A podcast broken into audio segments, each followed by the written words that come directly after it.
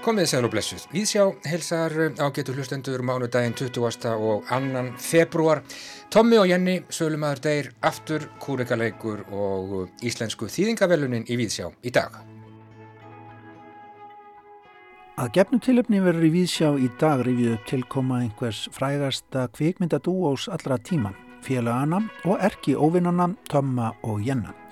Þeir eiga sér eflaust miljón líf eru komnir aftur í bíó.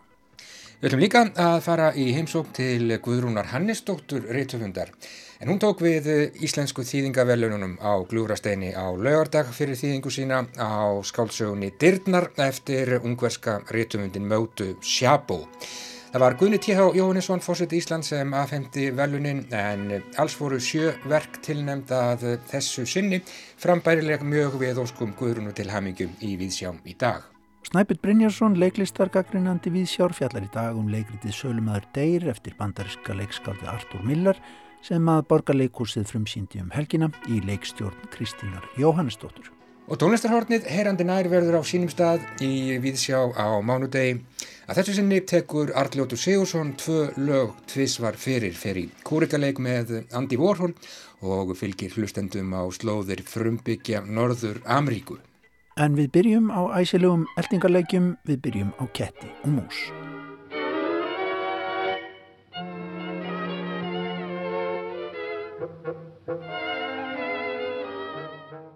Þeir eru komnir á nýraðisaldurinn greiði skinninn.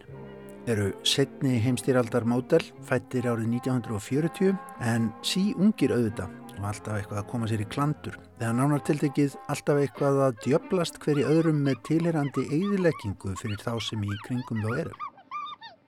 Já, ég er auðvitað að tala um köttin Tom og músina Jerry, þá erki óvinni en samt einhvern veginn vini líka sem við hér á Íslandi köllum Tomma og Jenna.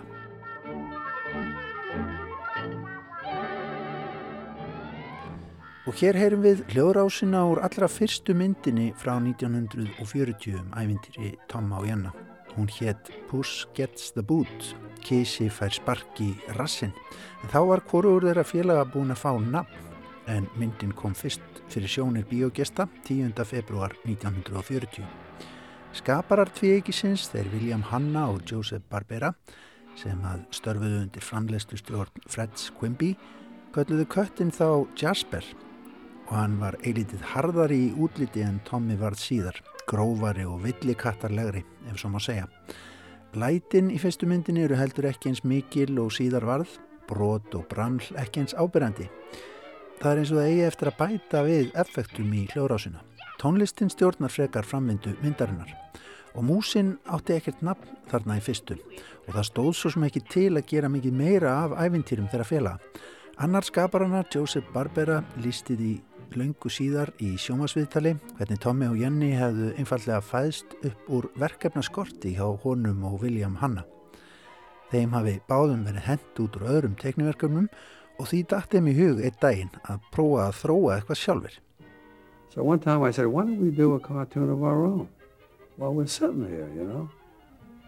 So we set the pattern for the way it was going to work out. What I began doing was laying out a story and writing the story I went along and drawing it. Setups, close-ups, pan, figures. And I did the whole thing like that. And as I was doing that, Bill was timing it. I was laying out the picture. This is not storyboard. This is actually layout sketches, pans and the whole thing. And I was doing it all. And I, oh, we decided to do a cat and a mouse, which had been done 4,000 times before that. It was about as original as my foot, you know. Já, þetta er lýsing á því hvernig teiknimyndir fættust í gamla skólanum. Annar byrjaði bara að teikna skissur og hendið þeim fram á borðið. Hinn fór að raða upp í tímalínu, velta fyrir sér framvindu sögunar. Og jú, vissulega var nákvæmlega ekkert frumlegt við baráttu kattar og músar eins og Barbera bendir á í þessu viðtali. Og það sést til dæmis á því að fyrsta myndin, Puss Gets the Boot, var byggð á einni af dæmisögum Esops kötturinn og mísnar. En þær dæmisögur verða til einhverjum 500-600 árum fyrir Krist í Greiklandi til forna. En það sem heitlaði var þessi innri spenna sem er gefin í sambandi kattar og músar. Þessi dýr þurfi ekki annað en að byrtast á skjánum og þá byggist upp eftirvænting og spenna. The minute you see a cat and mouse on the screen, you know there's conflict. And you got chase. And I, I love that whole idea. So we designed the cat and the mouse. And people were saying, oh, what dumb ideas. I mean, you know, where's the purple giraffe, you know, and the, and the pink hippopotamus? Fyrsta myndin, Puss Gets the Boot, með kettinum Jasper og ónefndu músinni var tilnefnd til Óskarsvæluna en þrátt fyrir það dró framleysludeildin fæturna og sagt er að framleiðandin Fred Quimby hafi viljað hætta framleyslinu alveg. Það var síðan ekki nema eitt sendibrið frá konu sem að starfaði hjá stórum dreifingaraðila í Texas og hafði litist vel á þá félaga, köttin og músina, sem var til þess að verkefnið fekk aftur innspýtingu og líf. Þá skipti Fred Quimby um skoðun. Then a letter came from Texas from one of the big distributors, a woman called Bessa Short. And she, her letter said, when am I ever going to see another one of the wonderful cat and mouse cartoons? Ooh, hey fellas, let's make some more cat and mouse cartoons. And we decided very unoriginal names, Tom and Jerry. Úrvarð eitthvert frægasta vörumerki teiknimyndasögunar og frábært kvikmyndadúo en 161 mynd frumsýnd í kvikmyndahúsi var framleitt af Metro Goldwyn Mayer á sínum tíma. Já, þetta hérna þurfti sem sagt að fylgja með á undan.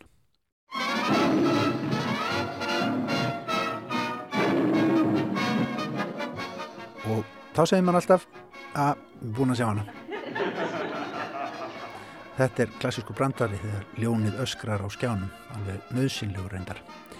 En á 18 ára tímabili frá 1940 til 58 gerðu Hanna og Barbera 114 teknimyndir um baróttu Tomma og Jenna fyrir Metro Goldwyn Mayer.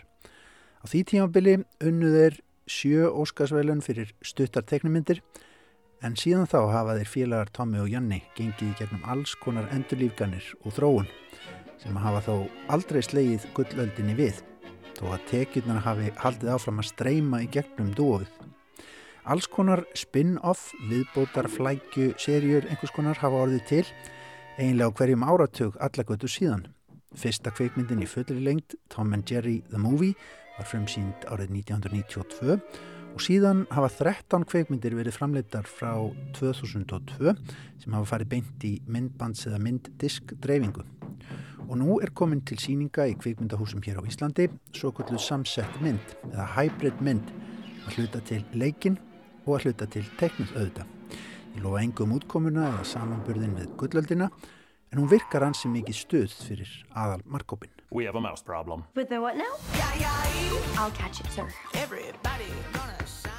Einstakasinnum hafa Tommi og Jenny hafið upp rödd sína. Til dæmis söng ástfangin Tommi strax árið 1946.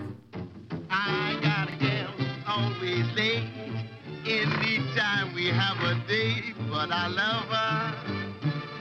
I'm gonna ask her, is you wills or is you ain't my baby? Síðar kom í ljós, hann var líka fyrirtags óperusöngvari, hann Tommy. Tutti mi chiedono, tutti mi vogliono, tutti mi chiedono, tutti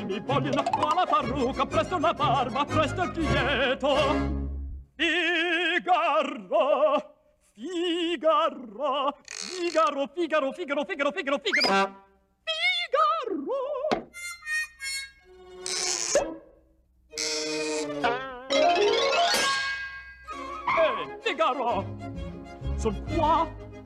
Eh, Figaro. Son qua, Figaro qua, Figaro là, Figaro qua, Figaro là, Figaro so, Figaro giù, Figaro so, Figaro giù. Quanto prontissimo sono come il fulmine, sono il baccadum della città, della città, della città, della città, della città. Það var aldrei vafi á því hjá þeim Hanna og Barbera að þeir Tommi og Jenny ættu ekkit að vera spjalla saman. Fyrirmyndin kom úr þöglumyndunum og þá ekki síst frá Charlie Chaplin. There was no discussion about not speaking. I mean, you see, first of all, I'm a big fan of Chaplin, and everything I saw of him, than anything, was no voice. And a lot of it, we were raised in that era of not speaking. And also, I found out that with a cat and mouse, you really didn't have to speak because that was chase all the time. Gags and chase. Chaplin-esque type of gag. He was brilliant at it, you know. Eitt er það til viðbótar sem ekki má gleymast þegar fjallað er um gömlu myndinar um Tom og Janna. Það er snildarleg hljóðrásinn, frábærlega tímasettir hljóðeffektar sem að auka á húmórin og svo tónlistin. Klassist tónlist hefur til dæmis leikið stórt hlutverk hjá Tom og Janna í gegnum tíðina. Hvað gerir kattarpíanisti til dæmis einleikari á píanóm þegar að músin fer að þvælast fyrir inn í flíklinum eins og í Cat Concerto frá 1947. Ég held ég látið þetta næja, maður geti haldið áfram lengi að bladra um þessa snild, þið sjáu þetta bara fyrir ykkur.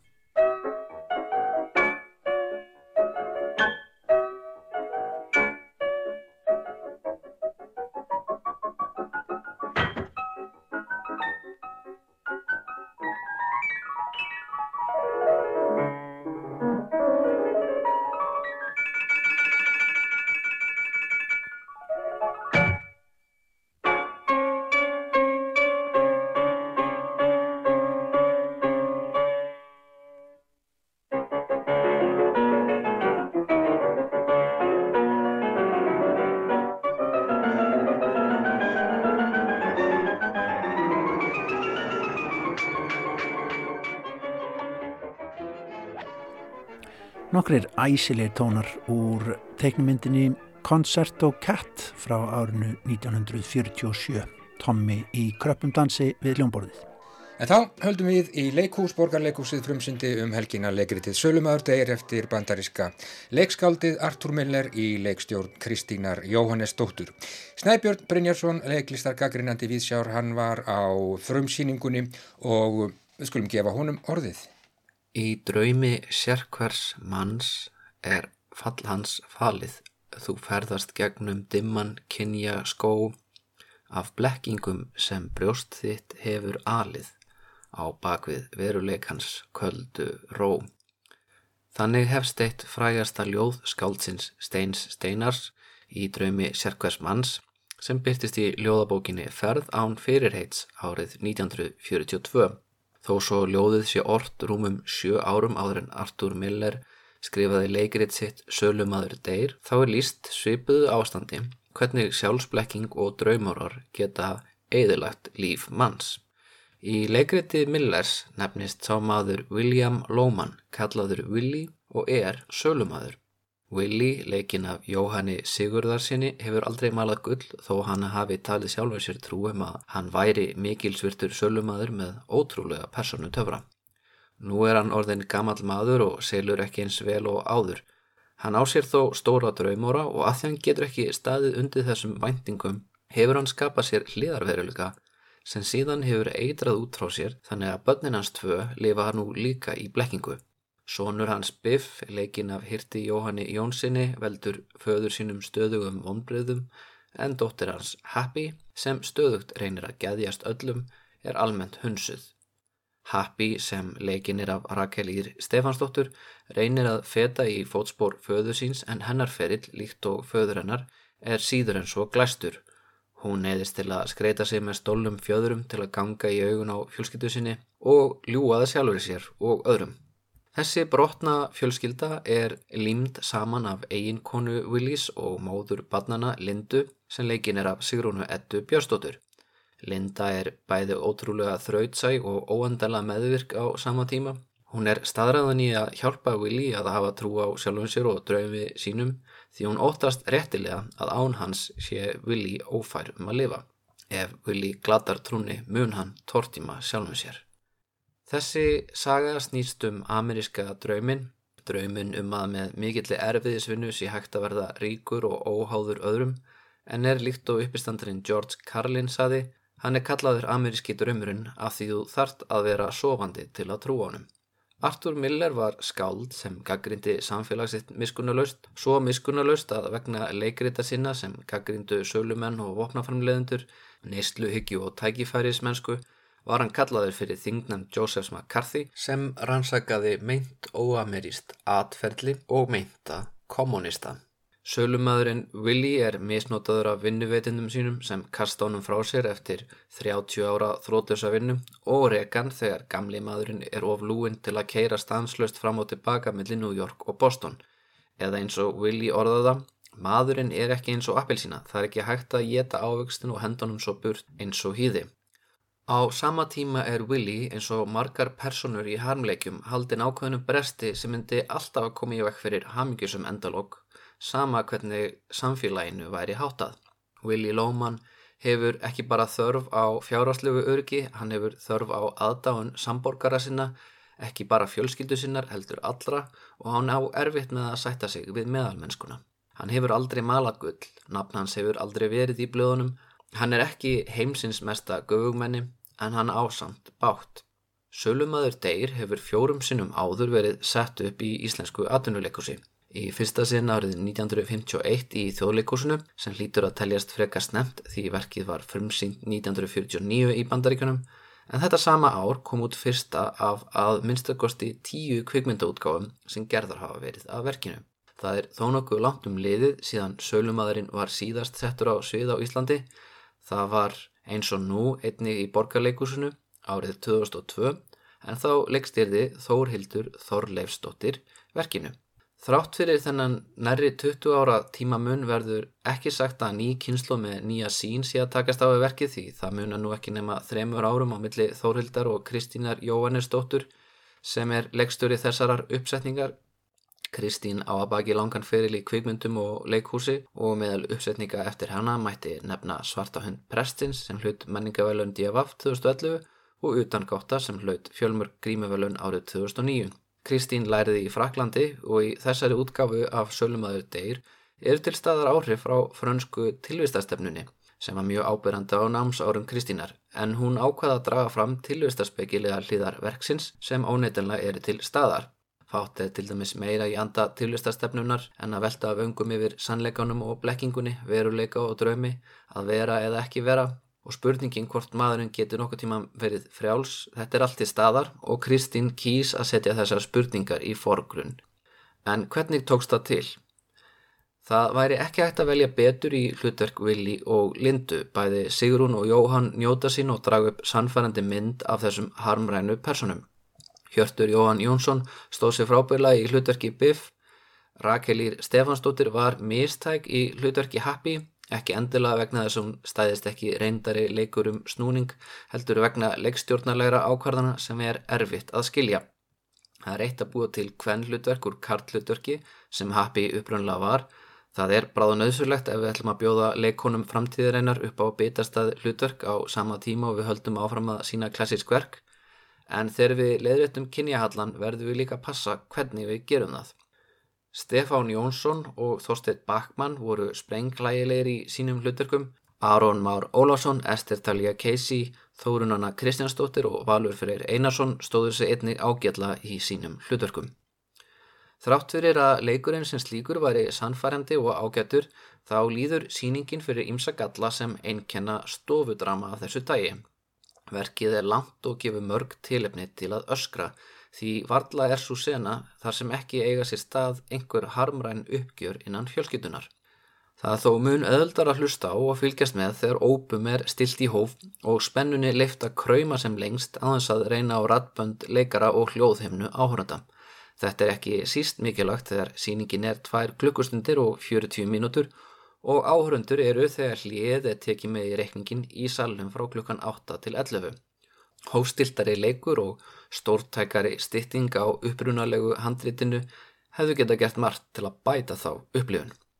Suðsmyndin vakti líka hjá mér ymsar spurningar, ljóskastarar og tækjabúnaður voru lækkuði lofti þannig að þau þrengdu að leiknum, mögulega til að takna innri krísu personana, en erfiðra var að skilja plastkúlutnar sem voru á víð og dreif um sveiðið og festust stundum við skóbúnað leikara. Hvað áttu þessar kúlur að takna? Helst myndu þær á þornurtirnar sem aður sér oft í kúrekamundum og einnkjana landslag mið vestusins í bandaríkjónum. Hafi verið meiningin að mynda hugreiningatengsl við þurkasvæði mið vestusins þá er það ekki auðskilindi enging því leikritið fer að mestu fram á norð-austuströndinni í Brooklyn og Boston og axtursleiðin þar á milli sem leikur stort hlutverki í leikritinu er síður en svo eins og klift úr kúrikamind. Hér er gaggrínandin hins vegar mögulega komin út af spórunum, fyrir hann að leggja dóma á sviðsmyndina og hvort hún hafi verið góð eða slæm, ætla ég þessi stað að játa að ég skildi ekki alveg hvað verið var að reyna að gera. Það er fyrir ekkar óvinnulegt því flestar leikmyndir Brynju Björnsdóttur sem ég hef síð hafa mér yfirleitt þótt hefnast vel. Hljóðmynd var í höndum Garðars Borgþórssonar, tónlist samin af Gíðu Valdísdóttur og hefnaðist sæmilega. Búningar Þórunar Maríu Jónsdóttur voru samkvæmt tíðarandaverksins, flest náttfött, kjólar, nælonsokkar og jakkafött líti út fyrir að geta átt heima á fjórða eða fymta áratug síðustu aldar, þó svo að einhverju leiti ríki ákveði tímalesi í uppsetningunni. Á heildina litið erum ágæta uppfærslu að ræða fyrir þá sem fíla þungt stofudrama. Sölumæðu Deyr er klassískur 20. aldar harmleikur, en fyrir 21. aldar áhörundur gæti verið að lágstemdari og knappari útgáfa væri meira gefandi. Þó verði ég að játa að þegar Þorstein Backmann í hlutverki Charlie varði vinsinn og órana sem leittondi glötunar og lísti því yfir að hlutverk sölumannsins væri að láta sér dreyma þá hreyfði það við mér. Við búum í samfélagi draumóra og erum þar að leiðandi ávalt ófullnæð í lífskeða kaplöpinu. Þú fellur á endanum fyrir draumiðínum í fullkominu uppgjöf Sigurðas manns Hann leikur um þig löngum armi sínum og loksins ertu draumur hans. Já, það var Snæpjur Brynjarsson sem að fóri í borgarleikursið og sá Sölumæður Deyr eftir bandariska leikskaldið Artur Miller í leikstjórn Kristínar Jóhannesdóttur. En þá ágetur hlustendur skulum við bregð okkur í tónlistarferðarlag með Arljóti Sigursinni. Hann er heyrandi nær í Víðsjá á mánudögum og við sögum hjá honum Í dag koma vist bæði Kúrikar og Andy Warhol við skulum hlusta. We're right on left, she's a gone. You're right and left all alone. Well, you tried to tell me so But how was I to know? Like she, he was not the one for me. You told me all along. You're right, our love was wrong. But now I've changed my mind, cause she broke the tie of mine. And I know that she'd never cared for me. Well, I thought I knew just what she'd do. I guess I'm not so smart. Are you trying to tell me all alone? You'd only break my heart right, she's gone. You're right, and I'm left all alone. Well, she's gone, I know not where.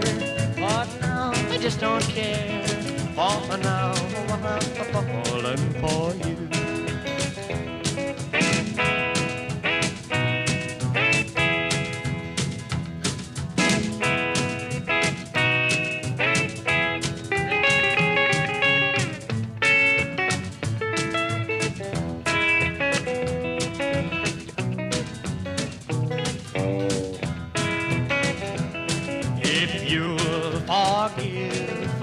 now. I'll make it up somehow. So happy we will be in a home for three, and I'll soon forget. Now I know. Well, I thought I knew just what you do. I guess I'm not so smart. Why well, you try to tell me all along? You don't break my heart.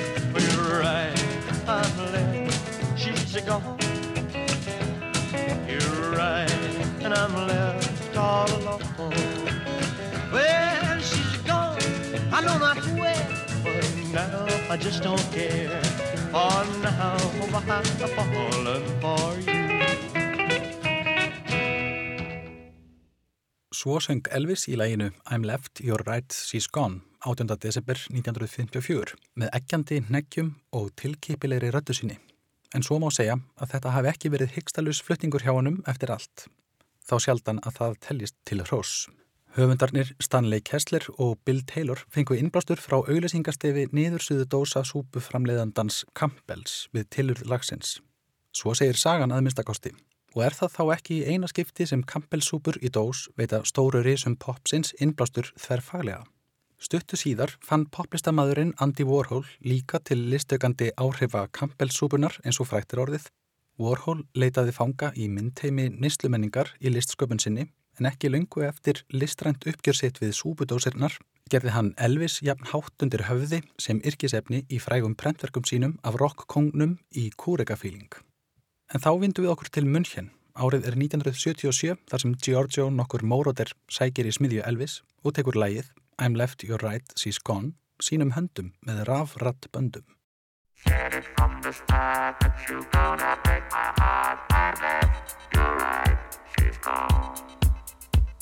You knew it all the time that the lady wasn't mine I'm left, you're right, she's gone She gave me all the time, all the loving I life Took me in, hook, line, and sinker didn't see my fate and I woke up much too late. I left, you're right, she's gone.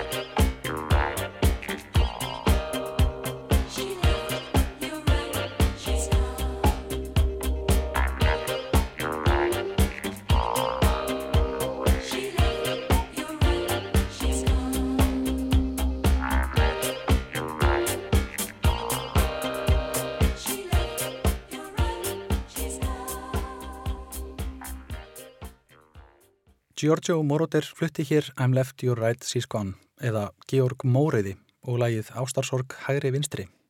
Hann nappar sniðugum titli upprunalagsins og smellir því inn í viðlagið. En það er svo sem það eina sem hann tók að láni frá Elvis.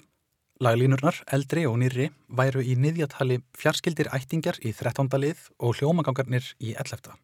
Nýr teksti í erindunum og gjör ólík efnistök aðgreina þannig lögin það mikið að mengi þeirra skarast rétt svo í stuttum mömmukossi í tillinum. Tveimur árum áður en Elvis söng um ástarsorgina, hægri vinstri, dvaldi Hank nokkur Williams í kofa nokkrum í Alabama. Þar sat hann með gítarin í leitanasta lægi en hann þurfti ekki að leita langt eftir hugmynd. En það mátti hann þar sjá glæsilega útskorna viðarstittu af frægum frumbyggja Alabama fylgis sem káalæga hétt.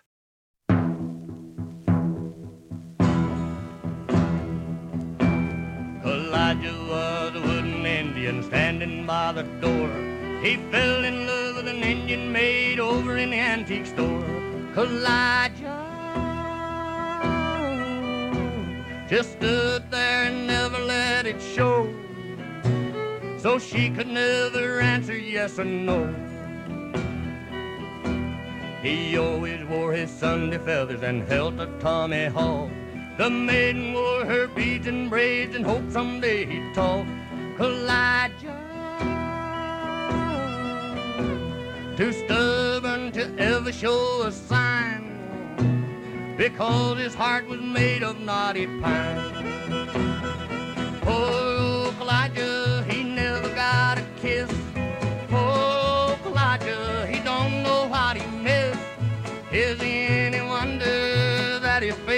face? Elijah, that poor old wooden head.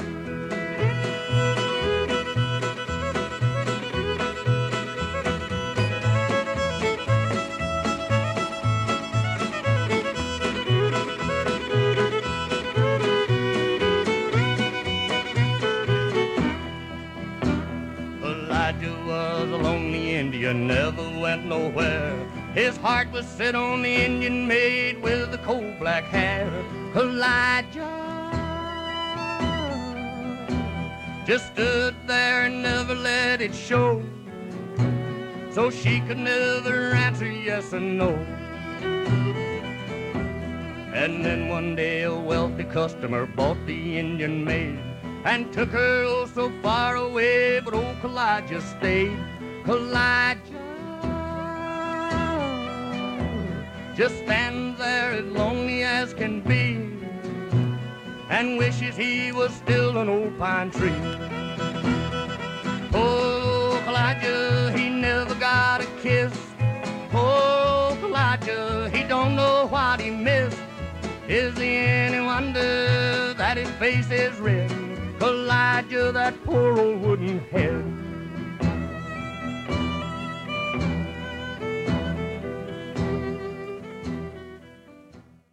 Þetta var eitt síðustu lagana sem Hank Williams eldri samdi og fjallan frá skömmu síðar langt um aldur fram.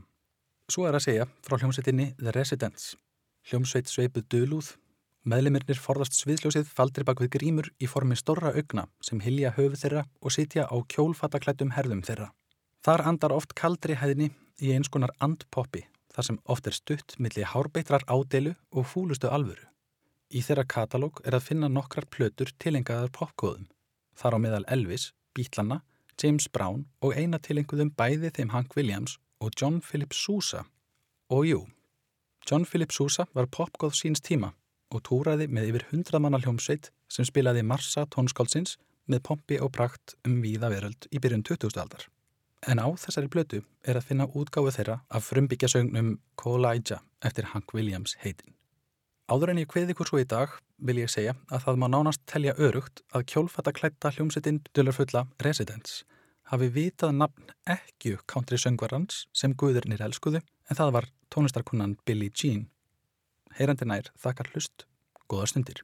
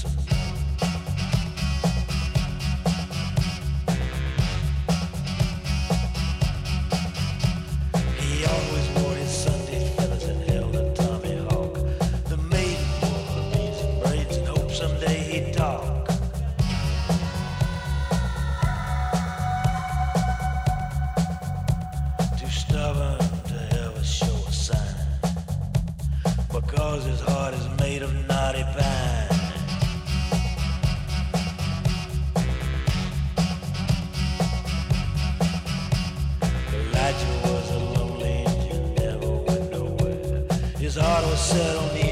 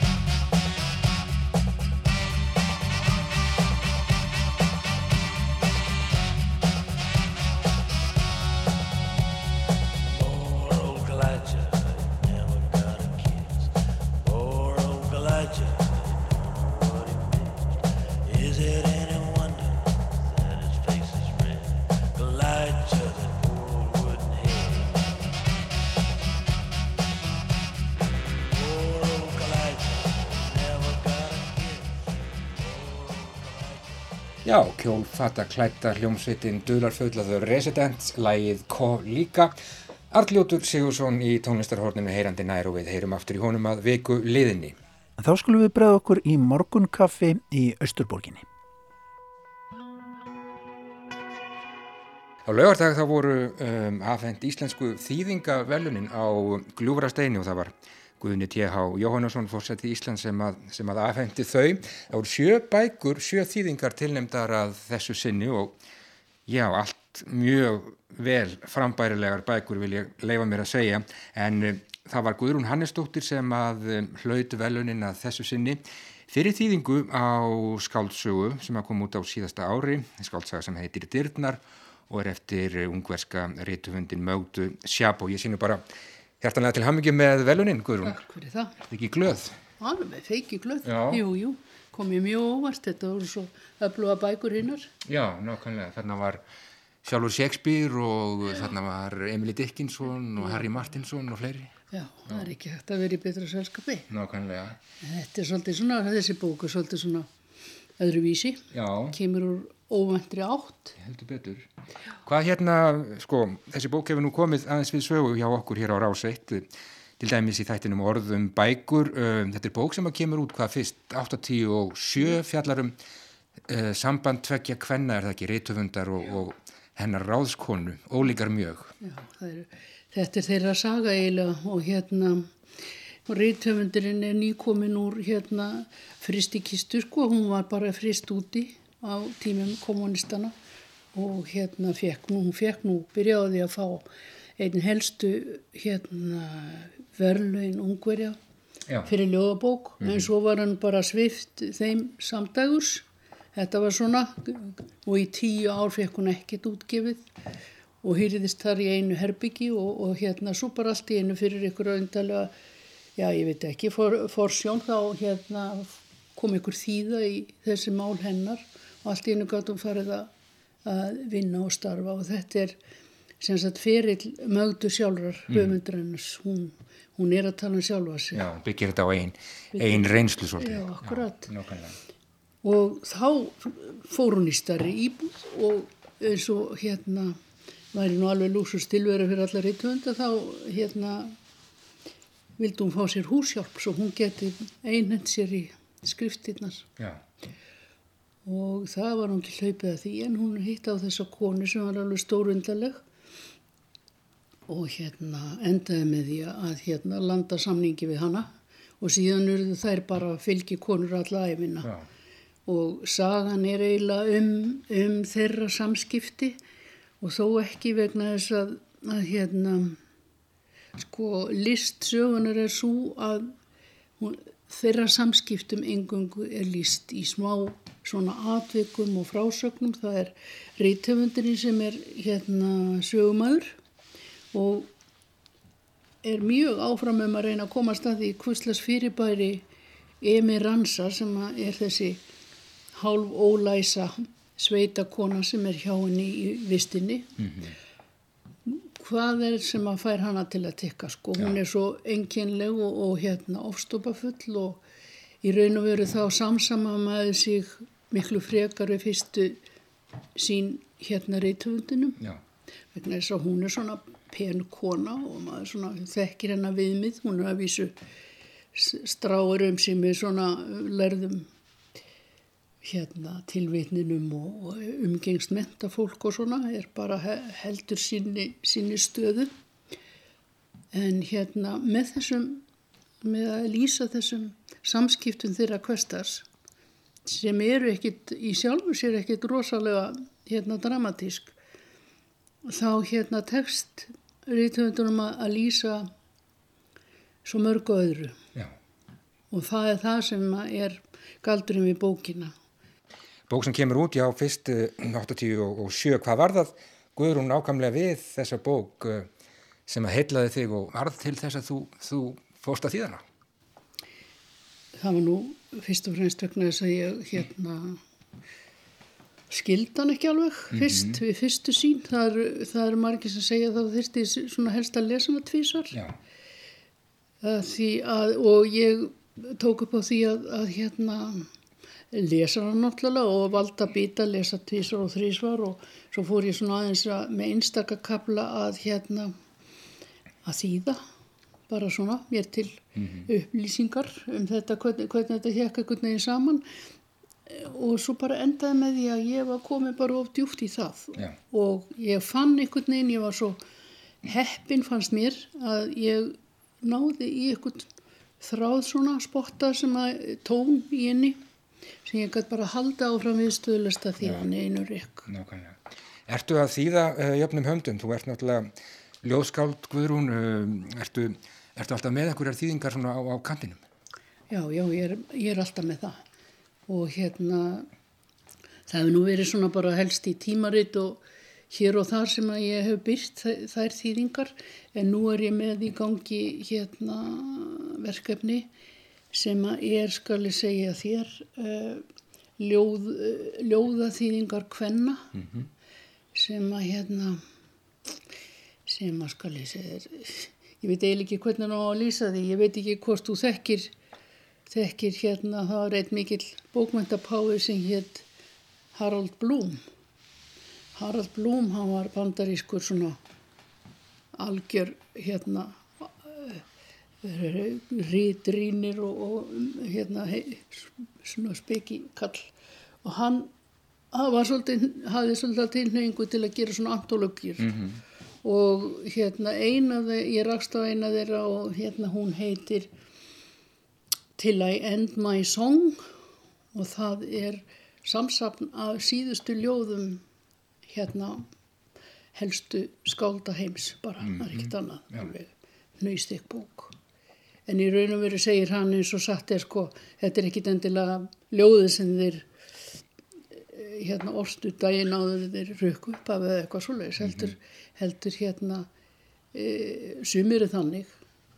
Sum eru, eru bara hérna samandregin reynslaðira af lífinu eins og hún kemur fyrir og, og hérna þá og þá skal ég segja þér um, fór ég að hugsa um þetta það er náttúrulega ætla nú ekki að fara út í þá sálma en munurinn á kallmennum og kvennmennum finnst mér stundum þegar maður les, sérstaklega maður les ljóð, þá, þá er ykkur, hérna, þá er ykkur, hérna, tegund ljóða hjá konum eins og sérstaklega fleirum sem dregur saman þessa kvenlegu, hérna, þetta hljóma nú ekki mjög spennandi, en hérna, þetta, þetta er saman dregin, þetta eru allt saman ljóð sem eru alveg orrt á ídrustu stundum og þegar fólk áttar sig á samhengi sinnar æfi, Já,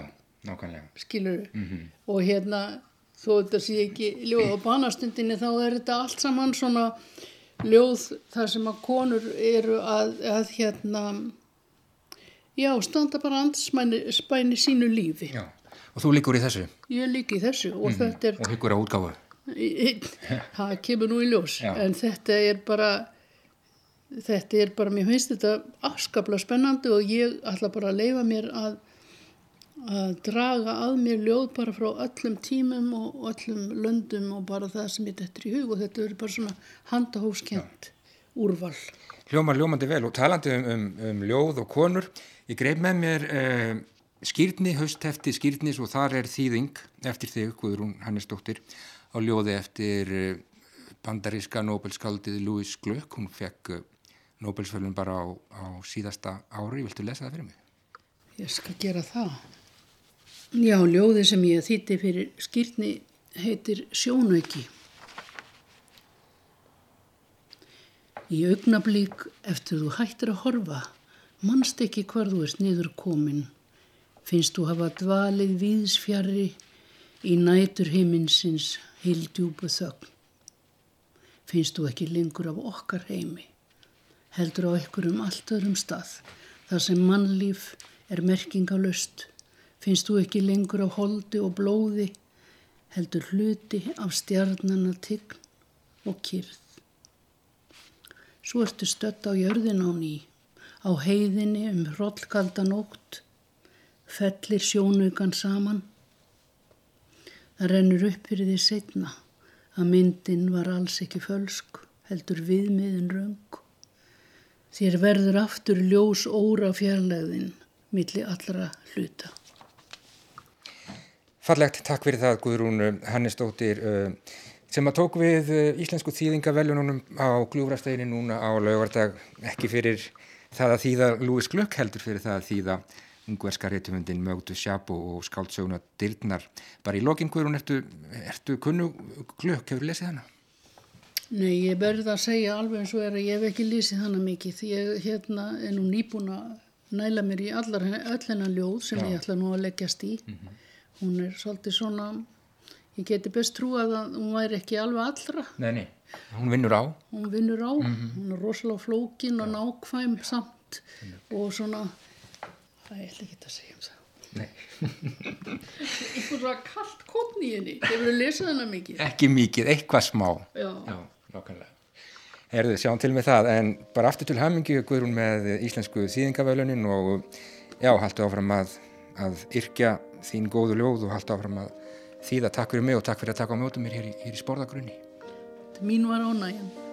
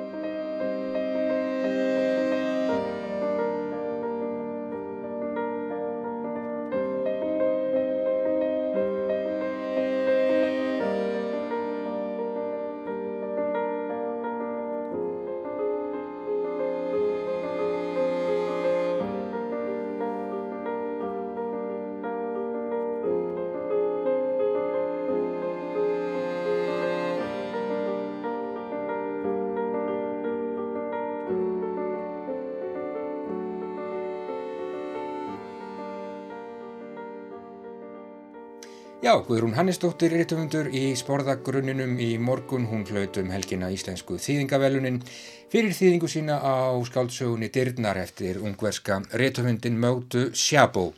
Sjö mjög frambærileg verk tilnefn til velunana að þessu sinni og Guðrún eðli málsins samkvæmt ánað með sinn hlut smá Anwar Brahem frá Túnis hér í lokin árgerð 2006. Og svona líkur við sjá í dag, við verðum hér aftur á okkar stað á morgun, löst eftir klukkan fjögur. Takk fyrir samfélgina í dag, verið sæl.